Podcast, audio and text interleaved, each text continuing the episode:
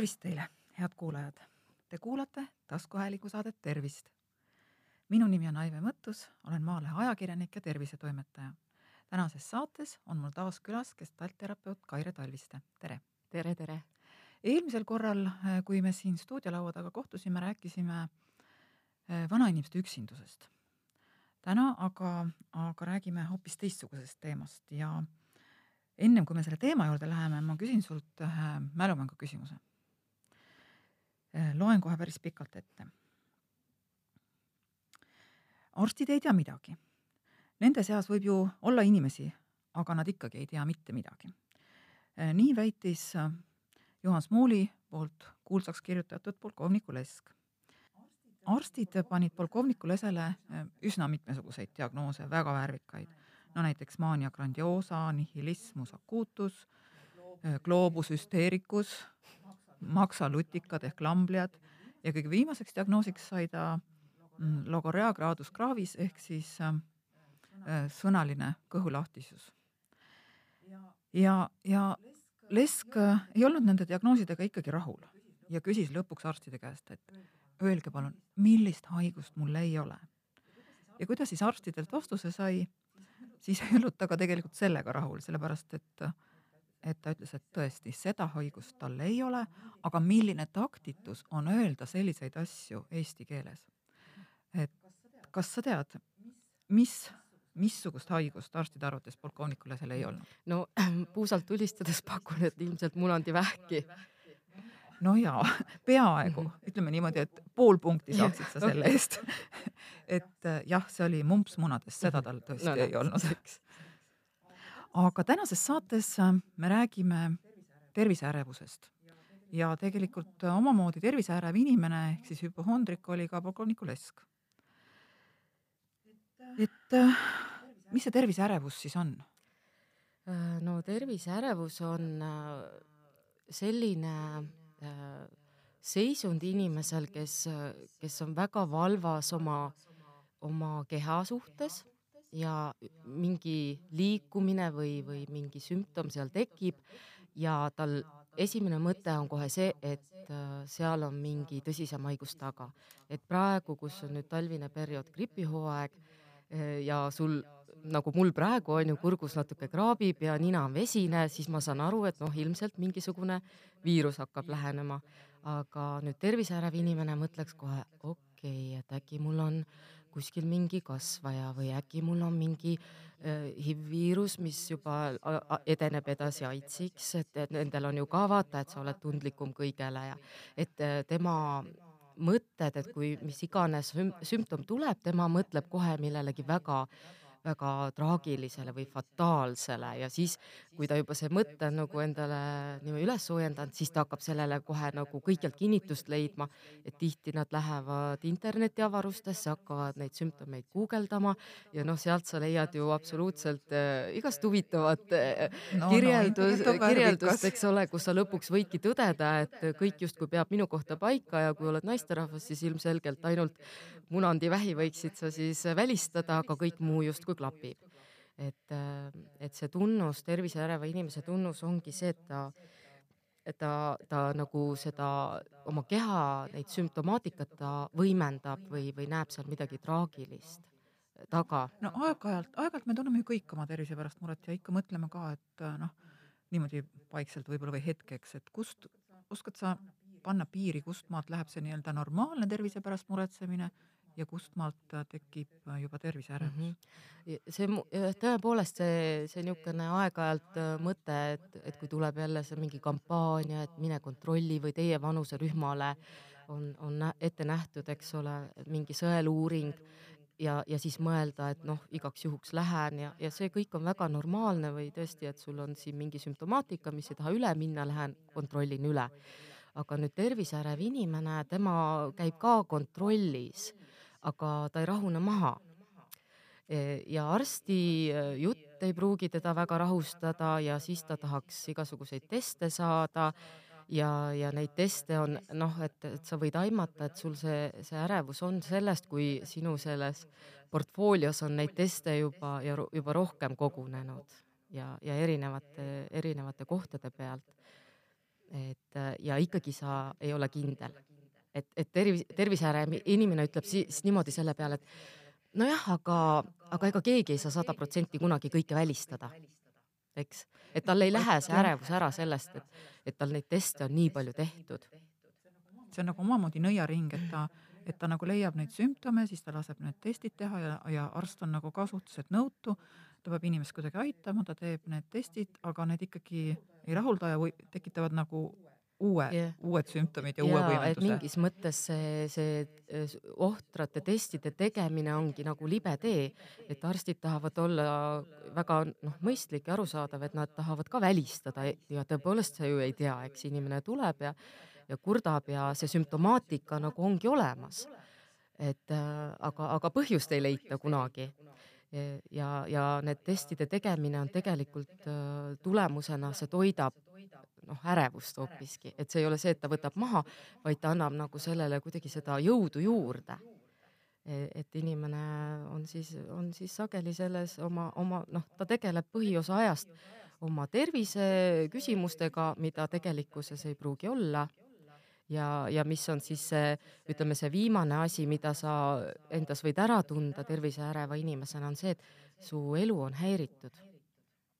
no väga hea näide selle kohta on nüüd just viimases Maalehes sinu kirjutatud artiklis on siis äh, sa oled rääkinud ühest noorest naisest, et äkki sa kordad siin ka selle loo üle, kelle elu tegelikult ju päris, päris tõsiselt Äh, sai häiritud selle terviseärevuse ja, ja et, et tal oligi, tal see terviseärevus vallandus, äh, kui ta ootas oma esimest last ja ka teise lapsega olid, olid äh, sellised, noh, et see raseduse kulg ja, ja sünnitus ei, ei laabunud kõige, kõige paremal moel, mis, mis sai nagu eos sai alguse, sealt see ilmselt sai alguse.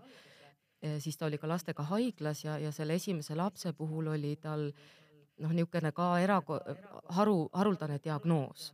ehk siis mõnikord see terviseärevus algabki sellest, et, et kas see diagnoos on vale või ei ole nagu täpselt jaole saadud õigele asjale. ehk sealt see hakkab nagu kasvama, et tekib kahtlus nagu selle meditsiiniasutuste suhtes.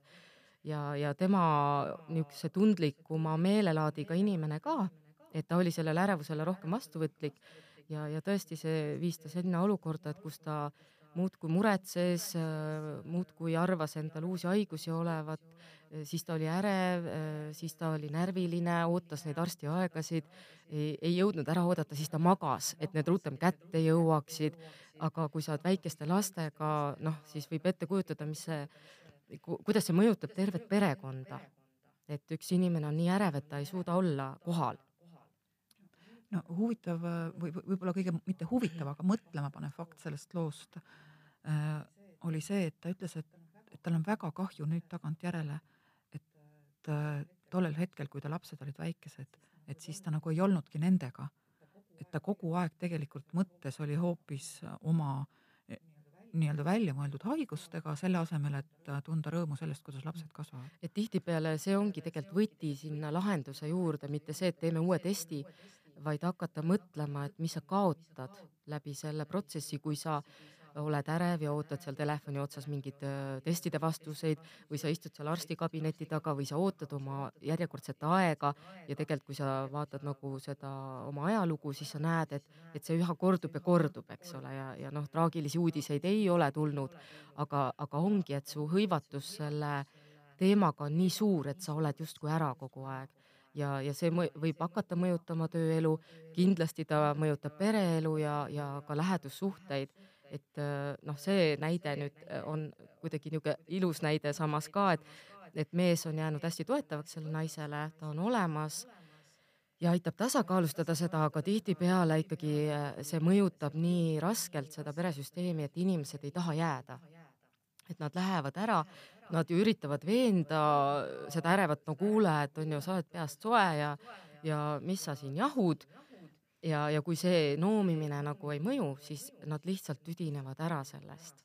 et nad ei suuda jääda suhetesse, kus keegi kogu aeg on nii ärev.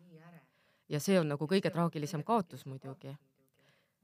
aga mida siis, mida siis teha, on üks küsimus ja, ja noh, kui me sellele küsimusele praegu siin vastuse leiame, siis, siis mul on kohe järgmine ka, aga selle ma küsin siis, kui me selle oleme ära Mhm. vastanud. et ärevustega on nii, et need on tegelikult ikkagi ravitavad ja mida varem sa alustad äh, sellega tegelemist, seda parem on prognoos. ja ma arvan ikkagi, et see psühhoteraapia oleks hea variant, et hoida ennast, hoida oma perekonda ja hakata uurima otsapidi, kust see ärevus on alguse saanud, sest tihtipeale on need ärevuse ilmingud juba perekonnasüsteemis, et seda nagu pärandatakse põlvest põlve, et seal juba keegi oli eos ärev lapsepõlves, ta võib-olla ei rääkinud ainult tervisest, aga muretses, et kas te õhtul koju jõuate ja oi, tee ääres on kurjad inimesed ja vaata, et sa auto peale ei lähe, et see niisugune ärevuse foon võib-olla on juba lapsepõlvest saati on kogu aeg õhus olnud. Mõni laps on sellele tundlikum, teine vähem.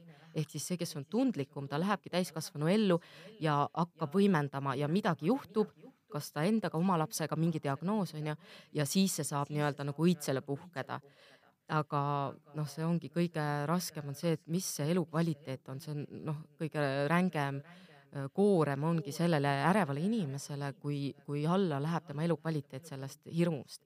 Ehk siis äh, uurida neid tagamaid, kust see alguse sai, õppida ennast tundma, õppida ka käsitlema nagu tervel moel oma kehareaktsioone, et kõik ei lähe kohe haiguseks.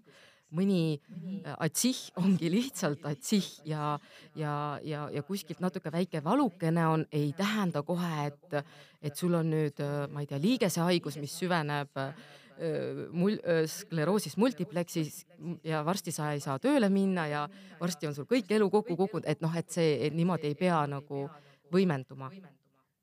no siinkohal meenub mulle professor Vello Salupere äh, sisehaiguste loengus öeldud lause, et kui te olete üle viiekümne aasta vana, hommikul üles tõusete ja teil mitte kusagilt ei valuta, siis te olete surnud. Et nii vist et on. mingi niisugune siit-sealt kuskilt midagi annab tunda, astusid kuskil pahasti, hüppasid kuskil, noh, see väike nõks, eks ole, et, et äh, kõik see ei, ei tähenda traagikat. ja, ja võib rahulikult sisse-välja hingata ja öelda endale ka, et uh, teste on piisavalt tehtud juba, no tõenäoliselt midagi hullu ei ole, et, et elame nüüd seda elukest, mis meile on antud ka vähe rõõmsamal moel.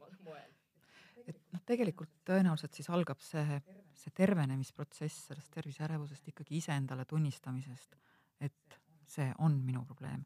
Sest kui ei tunnista, see on tõenäoliselt nagu alkoholismigagi Mhm. või mis tahes muu sõltuvusega, et kui sa seda ei tunnista, siis ei ole sellest ka võimalik vabaneda. jah, tunnistada endale või vaadata faktidele silma, et, et just nimelt see, et kui sageli sa oma perearstile helistad, kui tihti on päriselt sealt see haigus tuvastatud, nendest kontaktidest, kui palju sul on teste juba tehtud ja siis vaatad otsa oma elule ja mis on selle elu kvaliteet ehk mida sa juba oled kaotanud tänu oma ärevusele, kuidas äh, mõned vaatavad äh, tagasi ja nendel on nagu tükid elust kadunud.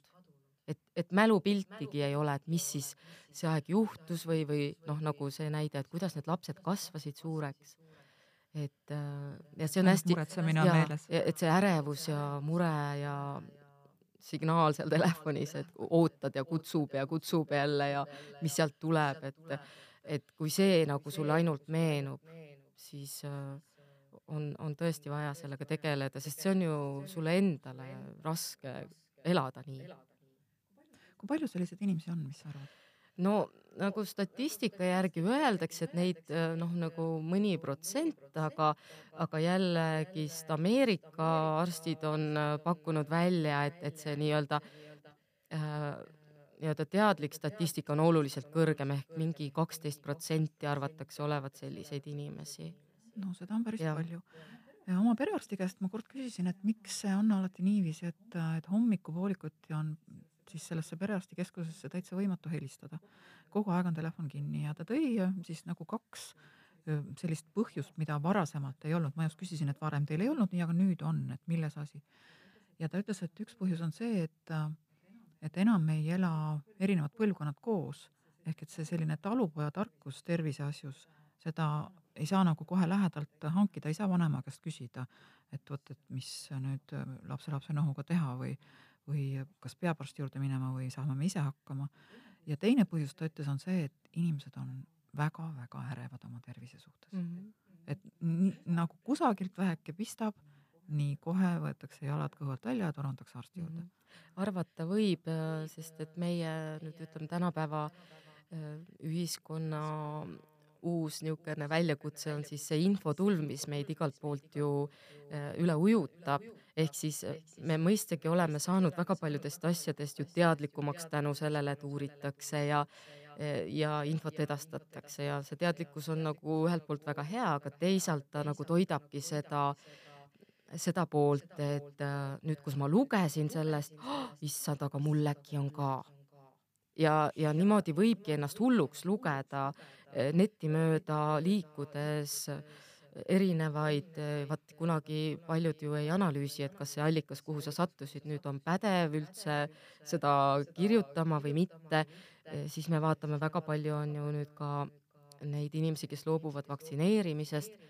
Ja, ja jälle tekib küsimust, et kust ta, kust ta seda infot hangib ja mis on need allikad, kus ta tugineb, et, et ei usalda justkui seda meditsiinilist tarkust, mida inimesed on omandanud ju aastaid tegelikult, et näha suuremat pilti äh, ja, ja on leitud, et see vaktsineerimine on kasulik, siis on jällegist, eks ju, infotulv on ju, mina ise otsustan, ma ise valin.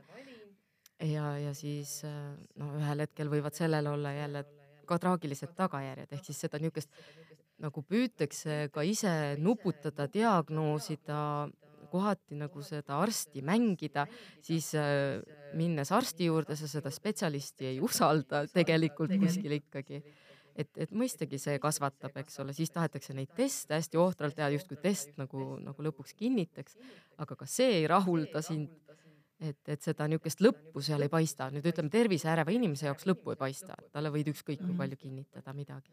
muide selle vaktsineerimise koha pealt äh, lihtsalt vahemärkusena ma ütlen, ma lugesin sel nädalal äh, raamatut Vaktsineerida või mitte, mis on kirjutatud Itaalia autorite poolt, ühest Eesti raamatupoodide ketist on see müügilt ära korjatud. Äh, aga teises on siiski veel müügil ja õnnestus see minul isegi tellida puhtalt uudishimu pärast, et lugeda, mis seal siis kirjas on ja ma peaks ütlema, et see on väga peenelt kirjutatud raamat.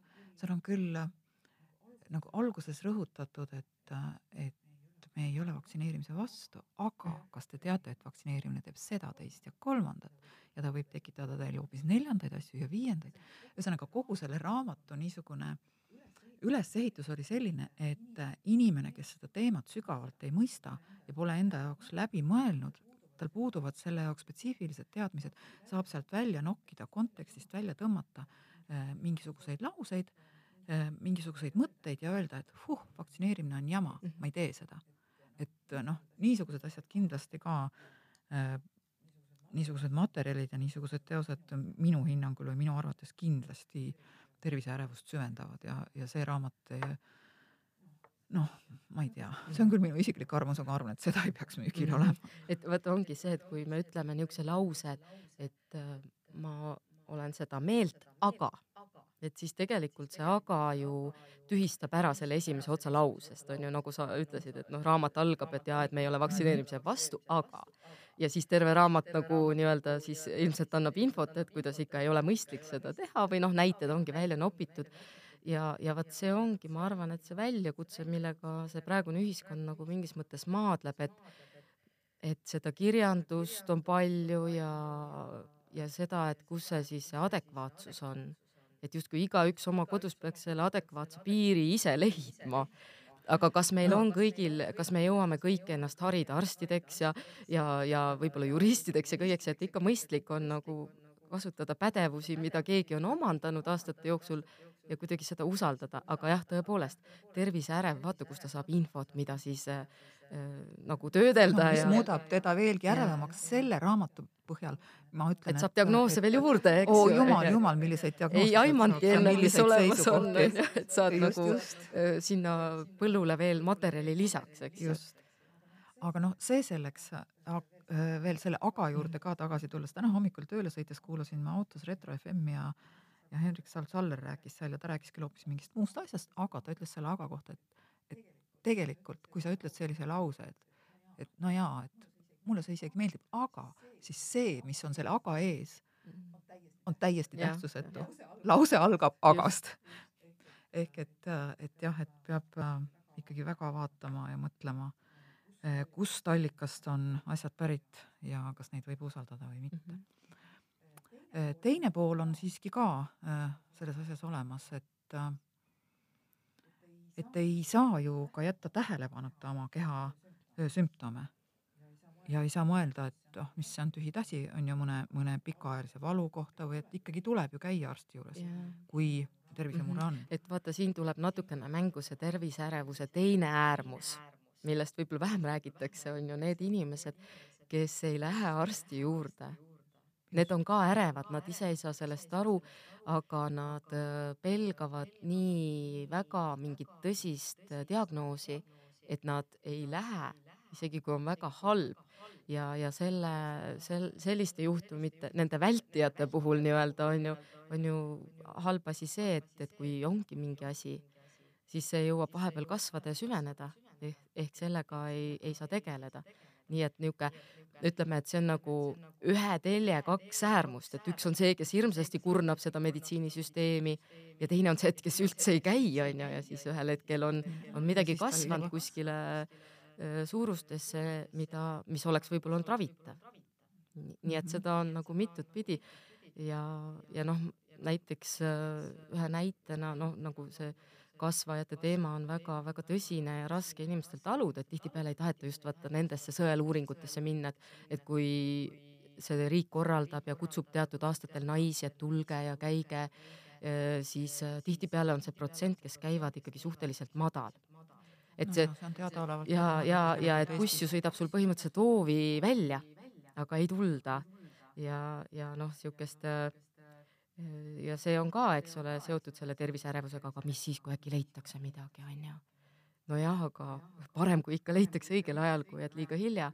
ja siis teise võib-olla näitena toon ka seda, et, et kuna on praegu ühiskonnas hästi palju sellist esoteerikat ja sellist niisugust noh äh, niisugust asja, et millele kohati ei oska sõnu, sõnugi anda, et siis kui ikka loobutakse sellest õigest ravist ja istutakse kuskil toas pimedas ja kuulatakse mingit kassetti, kust ühtegi heli ei tule ja, ja sulle on keegi teadjamees öelnud, et see võtab sul vähi ära, et siis elu on näidanud, et noh, paraku ei, ei võta ikka küll, on ju, et, et usaldaks usaldaks ikka seda nagu niisugust ühiskondlikku aju, mida on ju aastasadu äh, ju arendatud edasi.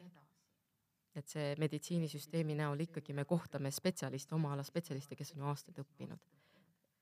et äh, jaanalindu ei ole siis ka teisisõnu mõtet mängida, et pistan pea liiva alla, arvan, et äh, tervisemure läheb mööda, kui see tegelikult olemas on äh, aga räägime ka sellisest asjast nagu platseeboefekt, mis see mhm. on? No see platseeboefekt on, on, on selline nagu mõju või noh, see on niisugune psühholoogiline jõud, mida me omistame tabletile või omistame valges kitlis onule, eks, kes on arst. Ja, ja et, et ta võibki olla, platseeboefekt on see, et sa oled, sulle antakse ravimit, millel pole ravimõju. Ja sa tunned, et oi, see mõjubki mulle. Ja platseebo või võib-olla ka on tehtud katseid, kus platseebo on näiteks operatsioon, et inimesele justkui tehakse operatsioon, aga tegelikult ei tehta ja ta tunneb, et oi, tal juba hakkas hästi, nagu asjad mhm. on paremad. platseebo on ka see, kui ema puhub lapsele põlve peale ja laps tunnebki, et valu läks ära, aga noh, et saame ju aru, et tegelikult ega see puhumine ju ei võtnud valu ära, aga see mõju või ma tunnetan seda äh, Äh, mõju endale nagu positiivses võtmes. aga ega see kõikide asjade puhul see platseeboefekt ka ju ei kehti? Äh, no ta, vaata, ta toimibki nagu selles mõttes, et, et sul hakkab nagu võib-olla see valutundlikkus väheneb ja, ja sul hakkab natukene nagu noh, ikkagi leevendub see, see olukord onju, aga päriselt ju haigust ta ikkagi ka ära ei võta. ütleme nii, et kui valu on tingitud ikkagi äh, noh, ma ei tea, südame-veresoonte ahenemisest, siis neid südame-veresooni see platseeboravim ei, ei väljenda. ei, ei, tõenäoliselt mitte ja kui sa oled seal vähiravi protsessis ja, ja saad platseebot, siis tõenäoliselt see platseebo sul ka seda vähki ei ravi mm. -hmm. et, et jah, see, see noh, selle platseeboga on jah nii ja naa, eks ju. ja kusjuures on ka veel tegelikult tuvastatud äh, notseebo efekt, mis on see, et kui nüüd inimene, kes on nagu vähiravi äh, protsessis ja saab seda platseebot, siis tal äh, ilmnevad äh, ilmnevad ka nii-öelda need nähtused, mis justkui selle raviga peaks kaasnema, juuksed hakkavad välja langema ja et, et see Aha. inimese psüühika on tegelikult hästi huvitav, eks, et kuidagi ta nagu läheb selle kõigega kaasa ja siis on leitud, et noh, et mida suurem tablett, seda suurem on justkui mõju kui on punast värvi, siis on parem kui mingit muud värvi. kui on ravimifirma logo eh, sinna sisse pressitud, siis tõenäoliselt töötab paremini kui ilma selleta. et niisuguseid teste on nagu tehtud, vaadatud, et mis, eh, mis nagu seda eh, tulemit nagu tervikuna siis rohkem mõjutab, et, et me paneme psüühikaga mingis mõttes selle äh, selle mõju sinna kuskile väljale või noh, kui arst tuleb ja ikka räägib sinuga niimoodi mõnusa maheda häälega, valge kittel seljas ja niisugune tõsiseltvõetav, siis kuidagi juba hakkab parem, onju, et lähed sealt kabinetist välja ja noh, oleneb muidugi, mis ta sulle räägib, aga. aga nüüd ma mõtlen siit edasi, et kui nüüd äh, inimene on terviseärev, kas siis noh, üldiselt ju tegelikult tabletiga seal midagi teha ei ole, aga kas näiteks selle platseebo tabletiga võiks ärevust ravida, tead sa, on seda proovitud? vot siin ma jään vastuse võlgu, et kas nad on seda üritanud. aga mulle pigem nagu tundub, et see isegi võiks töötada, sellepärast et, et ikkagi ka sellel äreval inimesel on see, see kujutlusvõime ikkagi üsna tundlik või, või niisugune, et ta nagu, et ta võib täitsa ette kujutada, et, et see, see nagu aitab. Aga see, siin võib jälle tekkida küsimus, et kui pikaks ajaks nüüd on ju mm. -hmm. et siis tal võib tekkida uus ärevus, et oi, aga et see nüüd, sellest tekib sõltuvus mulle või äkki sellest tekib mu kehasse mingi uus reaktsioon. noh, nii, niimoodi võiks mm -hmm. mõelda niisugune terviseärev inimene. ma ei saa kaua seda tabletti võtta, et siis äkki, kuidas see mõjutab kõiki minu ülejäänud kehaprotsesse. et äh, võib-olla see mingi lühiajaline efekt sellel võiks olla. kui nüüd äh inimene on ise endale tunnistanud, et ta on tervise, terviseärev või siis vana diagnoosiga või sõnaga hüpohondrik. kas siis ravi otsimise algus peaks olema perearsti juurest või võib, võib ta, kui ta on seda endale tunnistanud, ise kohe äh, kuhugi psühhoterapeudi, psühholoogi juurde minna? ma ikka soovitaks äh, tegelikult juba no võiks perearstiga seda rääkida sest et tõenäoliselt perearstil võib olla tekkinud kahtlus ka juba. tihtipeale nagu saadetakse nüüd erialaspetsialisti juurde inimene viis-kümme aastat pärast seda, kui see kõik protsess on alanud. et see võtab Nii üsna kaua aega. aga, aga kui nüüd sa oled kodus ja mõtled ja tunned ära, et oi-oi-oi, vot see võiks äkki olla minu teema, lähed istud selle perearstiga maha ja arutad, et kuule, et mis sa arvad. et kas sul on ka tekkinud äkki see kahtlus, onju. et, et seda oleks äh, hea arutada temaga. ja, ja siis äh, aga kui sa juba arvad, et no ei tead, ikka tõenäoliselt ikka on see minu teema, et siis äh, oleks hea minna otsida jah, spetsialisti abi juba, et siis saavad nagu alata need protsessid kiiremini aga kust inimene saab teada, kas psühholoog, kes oma teenuseid reklaamib, on ka, on ka pädev, on, on mingisugune register olemas, on mingisugused litsentsid, tunnistused psühhoterapeutidel, psühholoogidel? Ehm, ta, vot Eestis ikkagi on suhteliselt niisugune kehvasti reguleeritud hetkel, et eh, kuhu sa lõpuks oma otsaga välja jõuad, et meil praegu on olemas niisugune eh, psühhoterapeutide register et kui guugeldada, siis selle kindlasti leiab. meil on olemas ka Eestis pereterapeutide list täiesti otsides leiab. ja ma kaldun arvama, et ilmselt ka kognitiivkäitumuslikud terapeudid kuskilt äh, peaks olema ikkagi selgelt äh, nähtavad äh, ole, olemas, et, et. aga kumb pigem valida, kas psühholoog või terapeut, psühhoterapeut um,? Nagu jällegist niisugune, et äh, kuna meil Eestis puudub see kutsestandard sellisel kujul, mis täpselt eristaks neid rolle, äh, siis on see ikkagi niisugune noh, kuna mina ise olen psühhoterapeut, siis ma muidugi julgen soovitada psühhoterapeuti aga samas ka need suunad on ju nagu erinevad, mida siin Eestis esindatakse. seega eks see inimene, kes nüüd abi otsima hakkab, eks ta leiab ennast niisugusest huvitavast kohast, eks, et kust siis alustada. et ma arvan, perearst ilmselt esmalt suunaks psühhiaatri poole aa, no jaa, see on ju ka variant. just, et alustada sealt ja, ja, ja saada siis äh, see diagnoos.